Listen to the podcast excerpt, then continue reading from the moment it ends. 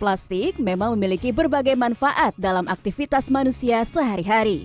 Namun, di balik kegunaannya yang beragam, ada senyawa berbahaya tak kasat mata di dalamnya.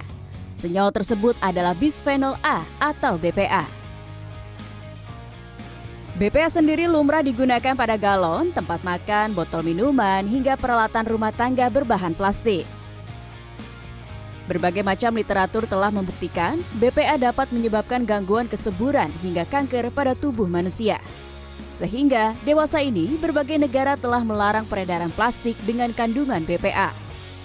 Menurut ahli kesehatan masyarakat Universitas Indonesia Pandu Riono, senyawa BPA yang terdapat di wadah plastik dapat tertransfer ke dalam makanan dan minuman sehingga jika dikonsumsi, BPA dapat masuk ke dalam tubuh. Sehingga sebaiknya masyarakat lebih peduli pada wadah plastik yang digunakan. Dan hormon itu kan uh, kalau pada perempuan lebih banyak, pada laki-laki lebih sedikit. Ada juga laki-laki yang uh, mengandung hormon estrogen tadi.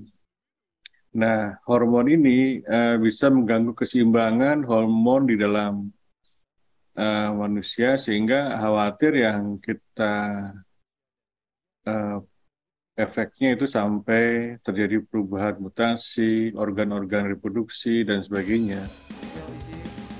Dari sudut pandang medis, migrasi BPA berlebih dapat memicu resiko kesehatan tubuh manusia, di antaranya gangguan homeostatis metabolik, gangguan struktur dan fungsi otak pada anak. Akibat BPA pada kesehatan anak yaitu dampak jangka pendeknya adalah bisa menyebabkan gangguan pada sistem pencernaan seperti diare ataupun mual dan muntah. Dampak jangka panjangnya adalah dapat menyebabkan satu diabetes tipe 2, obesitas atau kegemukan bisa mengganggu sistem reproduksinya atau kita sebut infertilitas, bisa juga menyebabkan kanker prostat atau kanker payudara di kemudian hari. Masyarakat yang sehat termasuk bebas dari BPA menjadi modal untuk mewujudkan sumber daya manusia yang berkualitas di masa depan.